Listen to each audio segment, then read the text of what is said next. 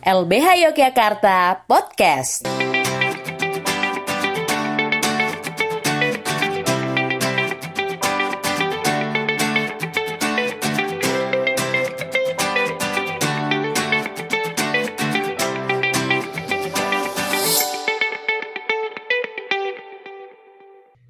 Iya, uh, terima kasih uh, Alek. Uh, Assalamualaikum warahmatullahi wabarakatuh. Selamat siang kawan-kawan uh, semuanya. Uh, yang saya hormati Pak Budi Masturi, uh, Mbak Tenti, dan Alek.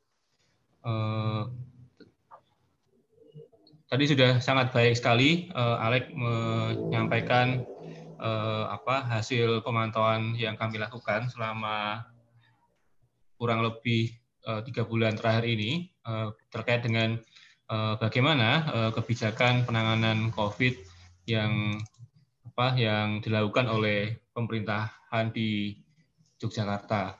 Nah, eh, saya mungkin eh, hanya sedikit menambahkan saja atau mempertajam apa yang tadi sudah dipaparkan dengan sangat luar biasa oleh oleh Alek gitu bahwa ternyata memang di lapangan itu uh, ditemukan uh, beberapa fakta-fakta yang yang dari dari pengamatan kami itu fakta-fakta yang yang menunjukkan bahwa ada satu problem yang yang yang itu tidak tidak tidak atau kemudian belum optimal dijawab oleh oleh pemerintah uh, Yogyakarta.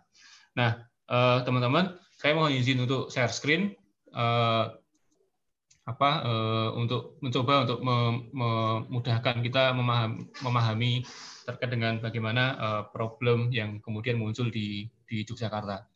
Nah, kawan-kawan, uh, saya sedikit banyak akan mengutip uh, catatan kritis yang dibuat oleh kawan-kawan jaringan masyarakat sipil di bulan April kalau tidak salah, eh, apa eh, di mana kemudian di dalam catatan kritis ini eh, kami juga eh, memunculkan beberapa beberapa persoalan-persoalan yang yang itu eh, cukup krusial yang itu terjadi di di Yogyakarta. Nah, teman-teman, saya ingin kemudian me mengingat kembali memori yang yang terjadi di masa-masa masa-masa awal ketika pandemi ini muncul. Nah, uh, dari pemantauan kami, dari pengamatan kami, uh, kami melihat sejak masa awal wabah ini mulai menyebar di di mana di Indonesia dan khususnya di Yogyakarta, kami melihat uh, bahwa pemerintahan di Indonesia itu atau juga di Yogyakarta itu uh, cenderung mengambil sikap yang masa bodoh, sikap yang acuh tak acuh. Ini bisa bisa terlihat dari sejumlah kebijakan dan juga pernyataan-pernyataan yang dilontarkan oleh sejumlah pejabat uh, pemerintahan. Yang yang yang masih saya ingat dengan jelas misalnya kemudian di level pemerintah pusat itu uh, bukannya menutup pintu masuk apa pintu masuk uh, lalu lintas orang ke Indonesia itu yang terjadi justru pemerintah pusat uh, membuka membuka apa membuka uh, keran pariwisata uh, uh, apa di Indonesia di tengah-tengah masa masa pandemi di masa-masa awal di bulan Maret awal ketika itu.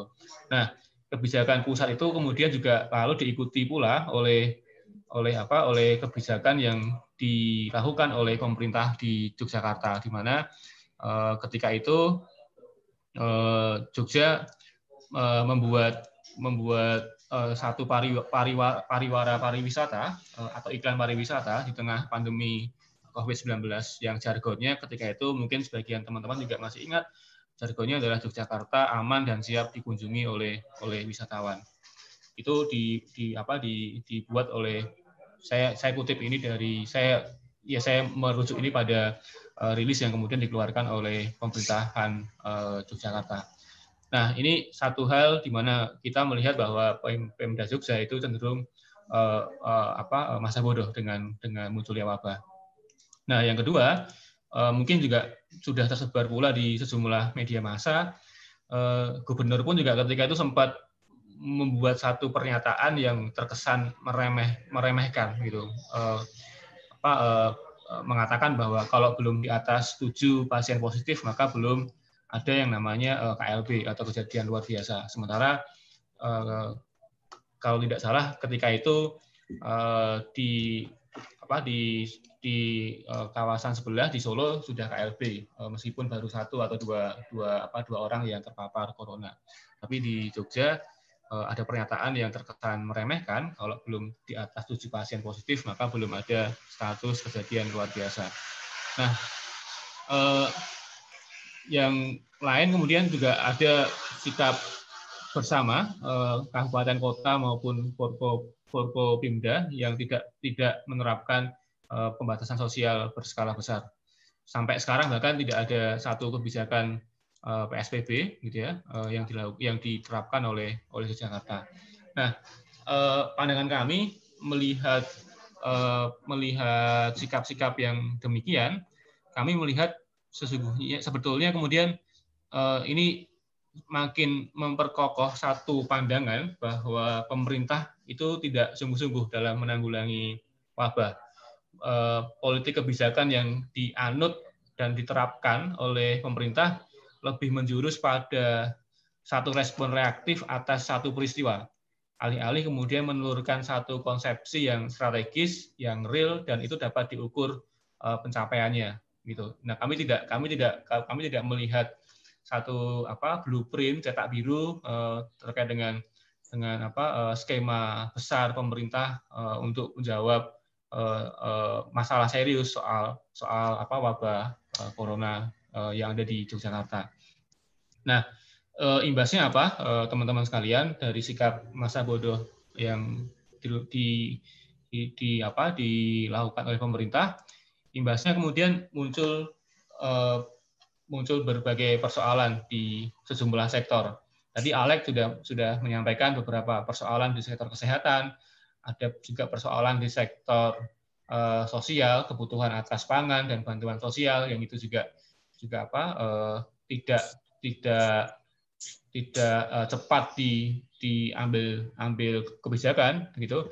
Nah, cuman kalau yang bisa kami catat ketika itu kami menemukan misalnya ada salah koordinasi antar antar instansi di mana uh, variabel masalahnya uh, sempat ada cerita misalnya uh, pasien yang terlantar yang diduga juga dia memiliki gejala COVID-19, kemudian juga sempat ada pembuatan status di Twitter soal keluhan eh, Badan Penanggulangan Bencana Daerah terkait dengan stok APD, kemudian juga ada problem vaskes yang tidak atau fasilitas kesehatan yang tidak memadai, kemudian juga eh, muncul problem ketiadaan informasi terkait dengan apa namanya eh, kapasitas dan fasilitas rumah sakit rujukan. Termasuk juga ada kebingungan menghadapi gelombang pemudik. Atau kalau kalau kalau bisa disebut pemudik ini juga merupakan pengungsi begitu. Karena dia di daerah daerah perantauannya tidak ada kepastian sehingga memilih untuk kembali ke kampung halamannya. Nah ini kemudian kan disikapi secara reaktif oleh oleh Pemda dengan dengan hampir di semua kabupaten kota itu membuat kebijakan yang kurang lebih mirip secara substansi terkait dengan penanganan gelombang atau arus pemudik. Nah, yang yang lain juga kemudian kami melihat ada kelambatan dalam membuat jaring pengaman sosial atau salah satunya adalah soal pemenuhan hak atas pangan yang itu seharusnya menjadi uh, tanggung jawab dan kewajiban uh, apa namanya uh, pemerintah. Baru di bulan Maret, April, Mei, Mei pertengahan atau Mei akhir itu ada ada ada bantuan bantuan sosial yang kemudian di diturun di, dicairkan oleh Pemda. Cuman pertanyaannya di bulan Maret, di bulan April itu terus bagaimana tanggung jawab tanggung jawab Pemda. Kalau kemudian kita apa hitung mundur setidaknya sejak status tanggap darurat itu dibuat oleh Pemda tanggal 20 Maret gitu ya sampai bulan apa uh, April Mei awal terus uh, bagaimana kemudian tanggung jawab pemerintah dalam rentang waktu yang yang yang kurang lebih satu bulan itu terhadap kebutuhan dasar uh, warga masyarakat. Nah, dari problem-problem itu sesungguhnya kalau kita kita apa namanya kita uh, cek lagi uh, di Indonesia dan kemudian di mana di uh, Yogyakarta itu sudah sudah uh, terbit sejumlah kebijakan-kebijakan administratif yang itu di, di, ditelurkan oleh oleh presiden maupun oleh uh, siapa uh, uh, gubernur. Nah uh, di level di level nasional misalnya kemudian uh, BNPB itu juga sudah menerbitkan keputusan uh, tentang status uh, keadaan tertentu darurat bencana wabah wabah penyakit uh, akibat virus corona yang ini berlaku sampai 29 Mei 2020. Nah, di bulan April pun juga akhirnya setelah setelah apa setelah ada status tanggap darurat dari PNBP apa namanya uh, presiden juga kemudian menerbitkan keputusan uh, presiden uh, tentang penetapan uh, bencana bencana non alam uh, eh, COVID-19 sebagai bencana nasional dan ini di, di apa diterbitkan di uh, bulan April tanggal 13 2020. Nah, dalam skup daerah, dalam skup provinsi pun juga uh, gubernur itu sudah menerbitkan yang namanya penetapan status tanggap darurat uh, COVID-19. Uh, yang intinya kurang lebih ya menetapkan bahwa COVID-19 uh, apa namanya merupakan bencana bencana non alam sehingga kemudian ditetapkan status tanggap darurat yang ini berlaku eh, uh, 20 Maret sampai 29 Mei 2020 dan diperpanjang sampai Juni akhir gitu. Nah, hanya uh, beberapa kebijakan yang kemudian di, dibuat oleh oleh uh, pemerintah itu kan kalau kita lihat itu hampir seluruh seluruhnya itu kan merujuk pada uh, peraturan perundang-undangan uh, yang yang itu mengatur soal penanggulangan bencana. Keputusan kepala BNPB, kemudian apa namanya keputusan gubernur tentang status tanggap darurat itu kan mengacu kepada Undang-Undang 24 tahun 2007 tentang penanggulangan bencana. Di mana kalau kita merujuk dalam undang-undang ini, di dalam undang-undang ini terdapat satu apa satu mekanisme yang kemudian disebut sebagai tanggap darurat dan bila mana kita mengacu pada apa pasal 1 di undang-undang tersebut maka kalau kalau kalau bicara soal penjelasannya yang disebut sebagai tanggap darurat adalah serangkaian kegiatan yang itu dilakukan pada saat kejadian bencana. Jadi kata kuncinya adalah kejadian bencana uh, untuk menangani uh, dampak buruk yang ditimbulkan yang meliputi kegiatan penyelamatan, evakuasi korban, harta benda, pemenuhan kebutuhan dasar, dan apa namanya perlindungan, peng, pengurusan pengungsi, penyelamatan serta pemulihan sarana prasarana. Nah, yang harus diingat bahwa eh, COVID ini itu bukan kondisi biasa, tapi kondisi eh, bencana. Bukan bencana bencana alam, tapi bencana non alam. Sehingga seharusnya uh, kalau kita me, apa, melandaskan kepada konsep tanggap darurat di dalam undang-undang ini, maka apa dalam situasi seperti ini maka pendekatan penanganan yang mestinya dilakukan oleh pemerintah itu cara-cara yang terdapat di dalam pasal 48 Undang-Undang Nomor 24 Tahun 2007. Nah, Bapak Ibu sekalian dan teman-teman semua, apa dan bagaimana kalau kita merujuk pada pasal 48 ini yang semest, bagaimana cara yang semestinya dilakukan oleh oleh oleh oleh pemerintah ketika menghadapi situasi bencana non alam. Nah, di dalam pasal 48 tadi Alex sudah sempat menyinggung menyinggung bahwa eh, terdapat sejumlah mekanisme eh, penyelenggaraan penanggulangan bencana pada saat tanggap darurat yang yang mana eh, yang coba saya apa soroti setidaknya ada tiga tiga hal yang itu berkaitan dengan problem yang terjadi di Yogyakarta. Pertama berkaitan dengan penentuan status keadaan darurat bencana. Nah, penentuan status ini kan sesungguhnya sudah di sudah dilakukan oleh oleh Pemda dengan terbitnya keputusan tentang tanggap darurat bencana. Hanya saja penentuan status tanggap darurat bencana itu kemudian tidak diikuti dengan mekanisme-mekanisme mekanisme-mekanisme uh, lainnya. Misalnya soal penyelamatan dan evakuasi masyarakat yang terkena bencana. Kalau kita bicara konteks wabah, maka konteks masyarakat yang terkena bencana itu itu kan tidak bisa hanya dimaknai apa namanya uh, terbatas mereka yang terpapar virus saja, tapi juga uh, seluruh warga masyarakat yang ada di satu provinsi yang mereka terpapar maupun tidak terpapar. Yang tidak terpapar pun juga terkena dampaknya, dampak dari virus corona. Nah, dampaknya kan kemudian tidak hanya dampak yang ada di sektor kesehatan saja, tapi ada dampak sosial, ada dampak apa namanya uh, Eh, berkaitan dengan pangan yang itu semestinya dijawab oleh pemerintah apa terkait dengan bagaimana mekanisme mekanisme terhadap warga-warga yang kemudian terdampak di sektor non non kesehatan. Yang kesehatan juga penting, kemudian yang di non kesehatan juga juga penting. Nah, yang yang kedua dalam status tanggap darurat itu semestinya Pemda itu juga melakukan tindakan-tindakan uh, yang berkaitan dengan pemenuhan kebutuhan uh, dasar uh, warga. Nah, saya ingin memulai dari konteks pemenuhan kebutuhan dasar warga. Nah, uh, di undang-undang pun juga sesungguhnya sudah sangat gamblang begitu ya di, di apa di diatur secara imperatif sebagai bentuk perintah pada ya uh, mohon dipercepat mas ininya uh, 10 menit lagi. Oke. Okay. Oke. Nah, uh, ada ada beberapa hal yang kemudian menjadi menjadi apa uh, uh, uh, penting gitu ya uh, ketika bicara konteks pemenuhan kebutuhan dasar. Ada uh, pangan, sandang dan pelayanan kesehatan. Yang ini dan macam-macam yang kemudian ini semestinya di, di apa diupayakan oleh oleh pemerintah.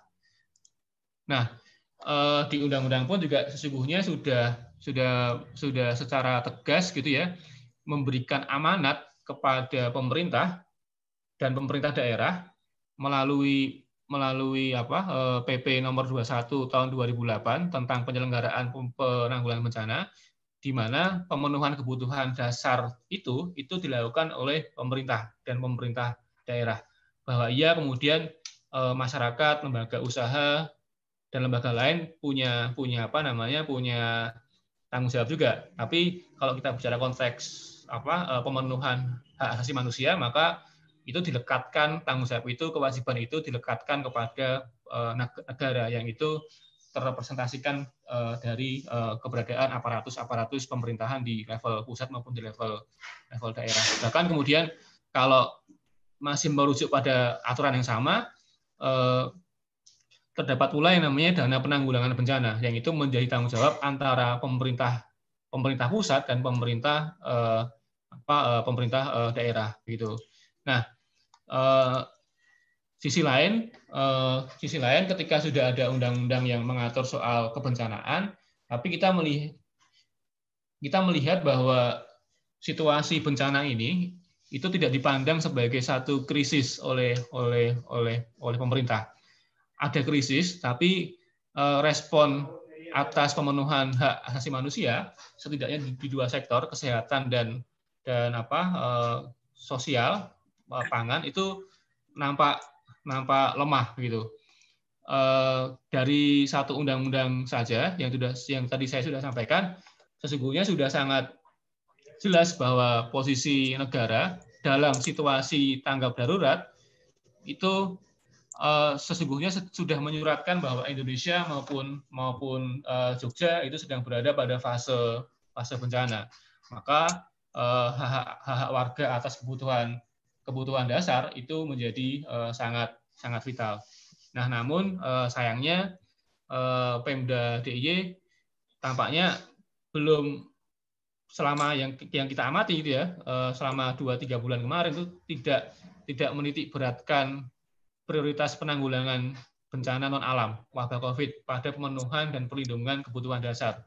Padahal kalau kita merujuk peraturan perundang-undangan yang berkaitan dengan hak asasi manusia, Eh, Pem, Pemda itu dibebani kewajiban dan tanggung jawab penghormatan, perlindungan, pemenuhan eh, terhadap eh, hak asasi manusia. Nah, eh, Bapak Ibu sekalian, eh, teman-teman, eh, apa kemudian tanggung jawab dan kewajiban pemenuhan eh, dan pelindungan eh, pemerintah? Nah, eh, kalau kita mengacu di dalam peraturan perundang-undangan, Indonesia itu kan sudah memiliki yang namanya Inter sudah meratifikasi yang namanya Covenant Internasional Hak-Hak Ekonomi Sosial Budaya. Uh, di mana di dalam Covenant tersebut secara imperatif menegaskan bahwa negara itu uh, mengakui hak setiap orang untuk menikmati standar tertinggi yang dapat dicapai atas kesehatan fisik dan dan mental. Sedangkan kemudian di pasal 12 ayat 2-nya dia menyatakan bahwa langkah-langkah yang diambil oleh negara itu harus meliputi hal-hal yang diperlukan untuk mengupayakan salah satunya pencegahan, pengobatan, pengendalian segala penyakit menular, endemik dan penyakit uh, apa uh, lainnya. Nah, di di di apa di sektor pencegahan kami melihat tadi di awal sudah sudah sempat uh, apa saya singgung pemerintah alih-alih melakukan pencegahan terhadap penyebaran virus corona corona tapi yang terjadi justru apa eh, keselamatan dan kesehatan warga di awal-awal virus ini muncul itu cenderung diabaikan. Misalnya kan kalau kita bicara logika logika apa kita kan sedang berperang melawan virus toh. Virus itu kan sebagai musuh. Ketika musuh masuk kan sebisa mungkin itu di, dibentengi. Pintu-pintu masuk dibentengi agar jangan sampai virusnya virusnya masuk. Nah yang nampak benteng itu nggak dibangun oleh pemerintah tapi justru pemerintah membuka pintu selebar-lebarnya dengan dengan apa dengan tadi dengan membuka uh, apa uh, sektor pariwisata Nah, pencegahannya kemudian menjadi tidak tidak apa tidak tidak di, dilakukan oleh oleh Pemda. Di sektor pengobatan misalnya bicara soal uh, apa tadi fasilitas kesehatan pun juga ada sejumlah persoalan. Tadi Alex sudah sangat sangat jelas menyampaikan ada problem-problem soal uh, uh, ketidak ketidaklengkapan uh, kondisi fasilitas kesehatan di beberapa uh, rumah sakit termasuk juga bicara soal pengendalian segala penyakit menular endemik dan penyakit lainnya. Eh, kami tidak melihat ada satu strategi yang itu di apa diupayakan eh, dengan serius oleh Pemda untuk mencegah eh, penyakit itu tidak tidak menyebar.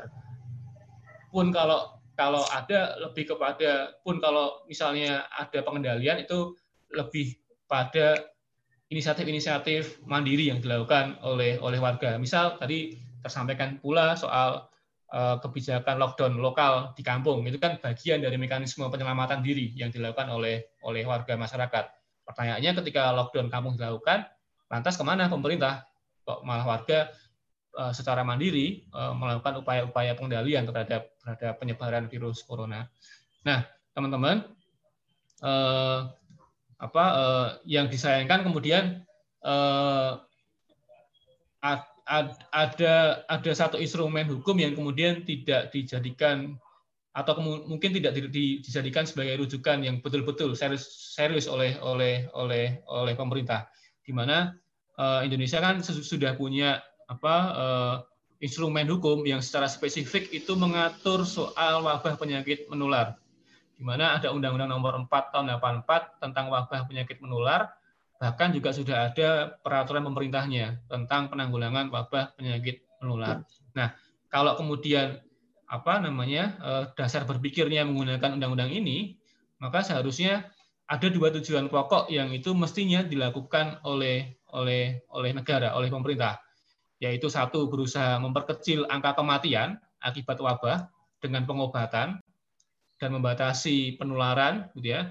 Dan yang kedua, eh, apa namanya, memperkecil penyebaran penyakit agar eh, penderita tidak bertambah banyak dan wabah tidak meluas ke daerah-daerah lain.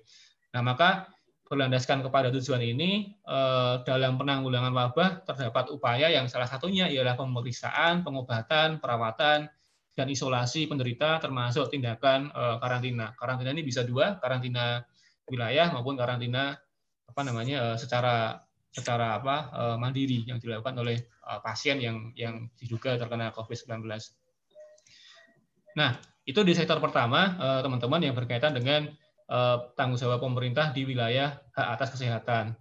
Nah, yang kedua yang juga kami lihat adalah yang semestinya itu dijamin oleh pemerintah adalah yang berkaitan dengan hak atas pangan, hak atas bahan pangan, di mana lagi-lagi kalau saya menggunakan apa pendekatan undang-undang uh, kovenan ekonomi, sosial budaya itu uh, sudah diatur bahwa negara itu mengakui hak setiap orang akan satu standar penghidupan yang layak bagi dirinya, keluarganya, termasuk salah satunya makanan yang cukup dan perbaikan kondisi penghidupan yang terus-menerus. Di Covenant juga kemudian di, diperintahkan uh, apa namanya kepada pemerintah, kepada negara untuk mengambil tindakan yang tepat untuk menjamin realisasi hak ini. Bahkan di pasal 11 ayat 2-nya itu uh, apa namanya uh, memberikan satu landasan filosofis bahwa apa namanya uh, hak atas pangan itu merupakan apa namanya hak yang hakiki bagi setiap orang untuk bebas dari yang namanya kelaparan. Nah, dalam konteks pemenuhan hak atas pangan ini, gitu ya, lalu negara memiliki kewajiban kewajiban inti uh, uh, apa namanya untuk mengambil tindakan-tindakan yang diperlukan untuk mengurangi meringankan kelaparan bahkan di kala bencana alam atau uh, lainnya. Ini saya merujuk pada komentar umum nomor 12 tentang hak atas pangan komentar terhadap kovenan ekonomi sosial budaya. Nah, termasuk kemudian juga korban bencana alam, orang yang hidup di lokasi bencana dan kelompok-kelompok tak beruntung lainnya yang membutuhkan perhatian khusus itu juga harus mendapatkan prioritas dalam hal aksesibilitas terhadap uh, bahan pangan. Nah, namun uh, teman-teman paling tidak per 20 Maret 2020 saat gubernur itu menetapkan status tanggap darurat di Yogyakarta, kami kemudian me, me, apa namanya menilai uh, negara uh, gagal menjamin pemenuhan hak atas pangan setidaknya di tingkat pokok minimum yang dibutuhkan untuk bebas dari rasa lapar. Eh, kami menerima beberapa beberapa keluhan dari beberapa warga warga masyarakat yang kebetulan juga punya punya relasi dengan LBH Yogyakarta. Eh, mereka apa eh, secara ekonomi kemudian mengalami goncangan, gitu ya. Ketika secara ekonomi mengalami goncangan, tentu dalam konteks kebutuhan pangannya juga menjadi menjadi apa? menjadi sulit gitu. Tapi tidak ada satu kebijakan yang dibuat oleh pemerintah ketika itu uh, untuk uh, apa namanya untuk menanggulangi problem atau untuk menyelesaikan problem di sektor masyarakat masyarakat bawah terutama masyarakat masyarakat miskin gitu. Yang muncul kan akhirnya gerakan-gerakan gerakan-gerakan mandiri yang di yang diinisiasi oleh oleh oleh warga. Misalnya ada gerakan solidaritas pangan Jogja kemudian beberapa inisiatif-inisiatif inisiatif-inisiatif mandiri warga untuk kemudian membantu warga yang lain yang kesusahan. Nah ini ini problem yang kemudian apa namanya uh, muncul di di apa di Yogyakarta. Nah sisi lain kemudian saya ingin uh, sedikit lagi Alek mohon izin uh, saya ingin kemudian juga me, me, apa, menyampaikan apa yang seharusnya dilakukan oleh pemerintah tapi itu tidak dilaksanakan. Nah ada sejumlah hal yang itu semestinya dilakukan. Satu, eh, kalau kita merujuk dalam undang-undang tentang wabah penyakit itu, dan sudah ada peraturan teknisnya, yaitu peraturan Menteri Kesehatan, itu ada satu mekanisme penanggulangan wabah penyakit dengan cara apa penetapan status uh, kejadian luar biasa uh, apa namanya terkait dengan terkait dengan wabah wabah penyakit. Nah, kejadian luar biasa itu adalah timbulnya timbulnya atau meningkatnya kejadian kesakitan dan atau kematian yang bermakna secara epidemiologi pada satu daerah dalam kurun waktu tertentu dan merupakan keadaan yang dapat menjurus pada terjadinya wabah gitu. Nah, pertanyaannya apakah Jogja itu sudah memenuhi syarat untuk untuk penetapan status KLB? Ketika itu gitu ya, kami melihat bahwa uh, kriteria itu sudah terpenuhi. Paling tidak kalau kita kita apa namanya kita mengacu di, di kita menggunakan parameter di peraturan Menteri Kesehatan itu ada tujuh, tujuh parameter untuk kemudian menilai satu daerah itu bisa ditetapkan sebagai uh, apa namanya uh, eh, KLB. Satu misalnya timbulnya satu penyakit menular yang sebelumnya tidak ada atau tidak dikenal pada satu daerah. Tentu ini terpenuhi kemudian peningkatan kejadian kesakitan terus-menerus selama tiga kurun waktu dalam jam, hari, atau minggu berturut-turut jenis penyakitnya. Ini tentu juga juga kita bisa lihat dalam hitungan apa namanya jam hari ya ada ada peningkatan uh, jumlah pasien positif corona gitu dan dan ada banyak banyak banyak aspek yang kemudian bisa di, dibaca di sini gitu ya bahwa KLB itu kemudian menjadi menjadi apa namanya menjadi opsi yang sesungguhnya bisa diambil.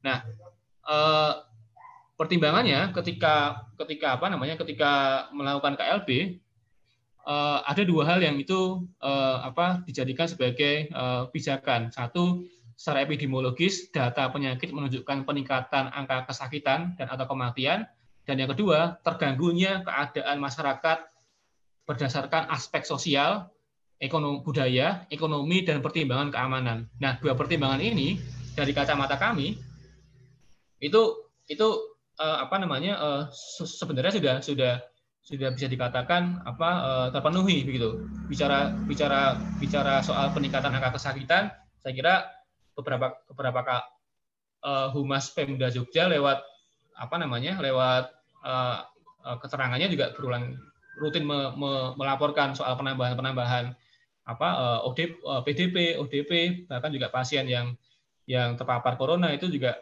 juga secara rutin disampaikan.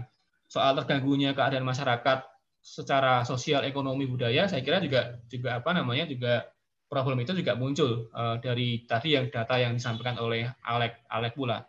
Nah, teman-teman, tujuan dari KLB ini sesungguhnya kalau kita taat pada ketentuan Undang-Undang Nomor 4 Tahun 84 tentang wabah penyakit menular, ini tujuannya adalah untuk melindungi penduduk dari malapetaka yang ditimbulkan eh, wabah sedini mungkin dalam rangka meningkatkan kemampuan masyarakat untuk hidup sehat dan eh, itu dapat tercapai gitu. Nah ini ini yang kemudian tidak tidak dilakukan tentu uh, bukan hanya penetapan status saja, tapi juga harus diikuti dengan tindakan-tindakan konkret yang itu apa namanya ditujukan kepada apa yang sudah dituangkan dalam undang undang-undang.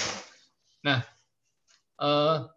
yang kedua yang semestinya dilakukan oleh Pemda yaitu karantina wilayah dalam koridor tanggap darurat uh, apa uh, skenario penyelamatan gitu.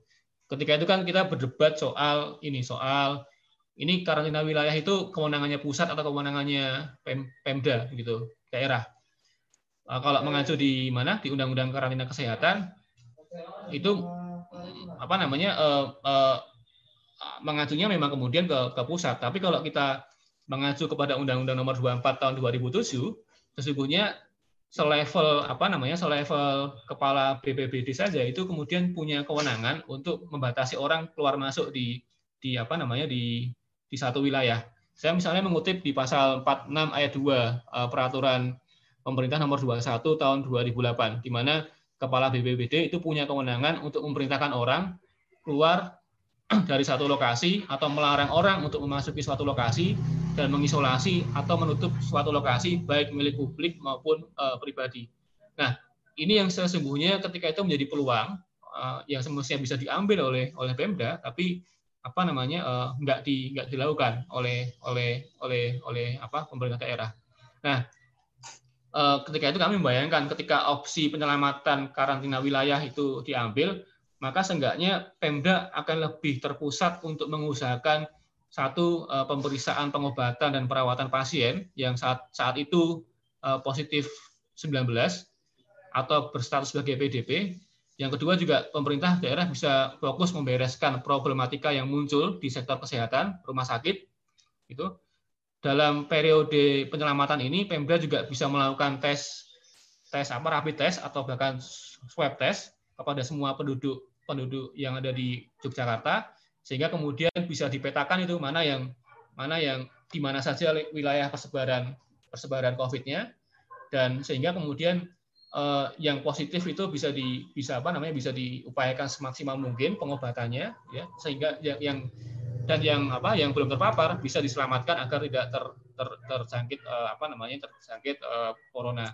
Yang keempat eh, pemudik atau pengungsi itu juga juga bisa ditempatkan di lokasi-lokasi yang aman. Nah, ini yang kemudian tidak di, diambil opsi ini oleh oleh Pemda termasuk pembatasan termasuk PSBB ini pun juga di, tidak di, tidak diambil hingga hari ini gitu ya. Uh, ter, uh, yang keempat juga optimalisasi lahan pertanian. Tadi Alex sudah menyampaikan juga bahwa kalau bicara soal ketersediaan pangan itu mungkin masih cukup gitu ya. Cuman pertanyaannya kan kita nggak pernah bisa memprediksi ini wabahnya akan akan sampai kapan gitu. Nah, eh, kami tidak tidak tidak kami kemudian mencoba untuk menyarankan kepada kepada Pemda untuk apa eh, fokus kemudian mengoptimalkan lahan pertanian stop dulu stop terlebih stop kemudian seluruh pembangunan-pembangunan yang merampas apa yang mengalihfungsikan lahan pertanian dan fokuskan kepada penciptaan lumbung pangan bagi pemenuhan kebutuhan kebutuhan warga. Nah, eh, termasuk yang terakhir yang yang yang juga tidak nampak soal pemberdayaan UMKM untuk suplai kebutuhan eh, dasar selama selama bencana. Nah, terakhir eh, apa teman-teman, saya ingin mencoba mencari mencarikan dari hal-hal tadi, kami melihat bahwa Pemda tidak mencanangkan satu kebijakan pencegahan dan pengendalian yang lebih maksimal yang terformat secara sistematis untuk menekan penyebaran eh, COVID-19. Yang nampak kemudian eh, sifatnya beberapa beberapa kali sebatas himbauan-himbauan belaka dan eh, arah politik kebijakan pemerintah daerah itu terlihat tidak tidak jelas dan condong menggunakan cara-cara yang yang apa namanya tidak efektif termasuk kemudian apa namanya menggantungkan kepada kepada kesadaran kesadaran warga masyarakat begitu. Nah, yang yang kedua yang bisa saya simpulkan adalah kita punya instrumen hukum yang substansinya adalah penanggulangan wabah, tapi itu tidak dimanfaatkan secara optimal. Tadi sudah saya sampaikan ada Undang-Undang 24 tahun 2007 tentang penanggulangan bencana, ada Undang-Undang karantina kesehatan, mohon maaf, dan juga ada apa namanya eh, undang-undang uh, tentang wabah penyakit dan peraturan perundang-undangan yang lain yang itu substansinya kurang lebih adalah penanggulangan uh, wabah. Nah kurang lebih itu yang bisa saya sampaikan uh, Alek, Pak Budi, Mbak Tenti, dan teman-teman sekalian. Nanti kita bisa apa namanya berdiskusi lebih lanjut. Matur nuwun.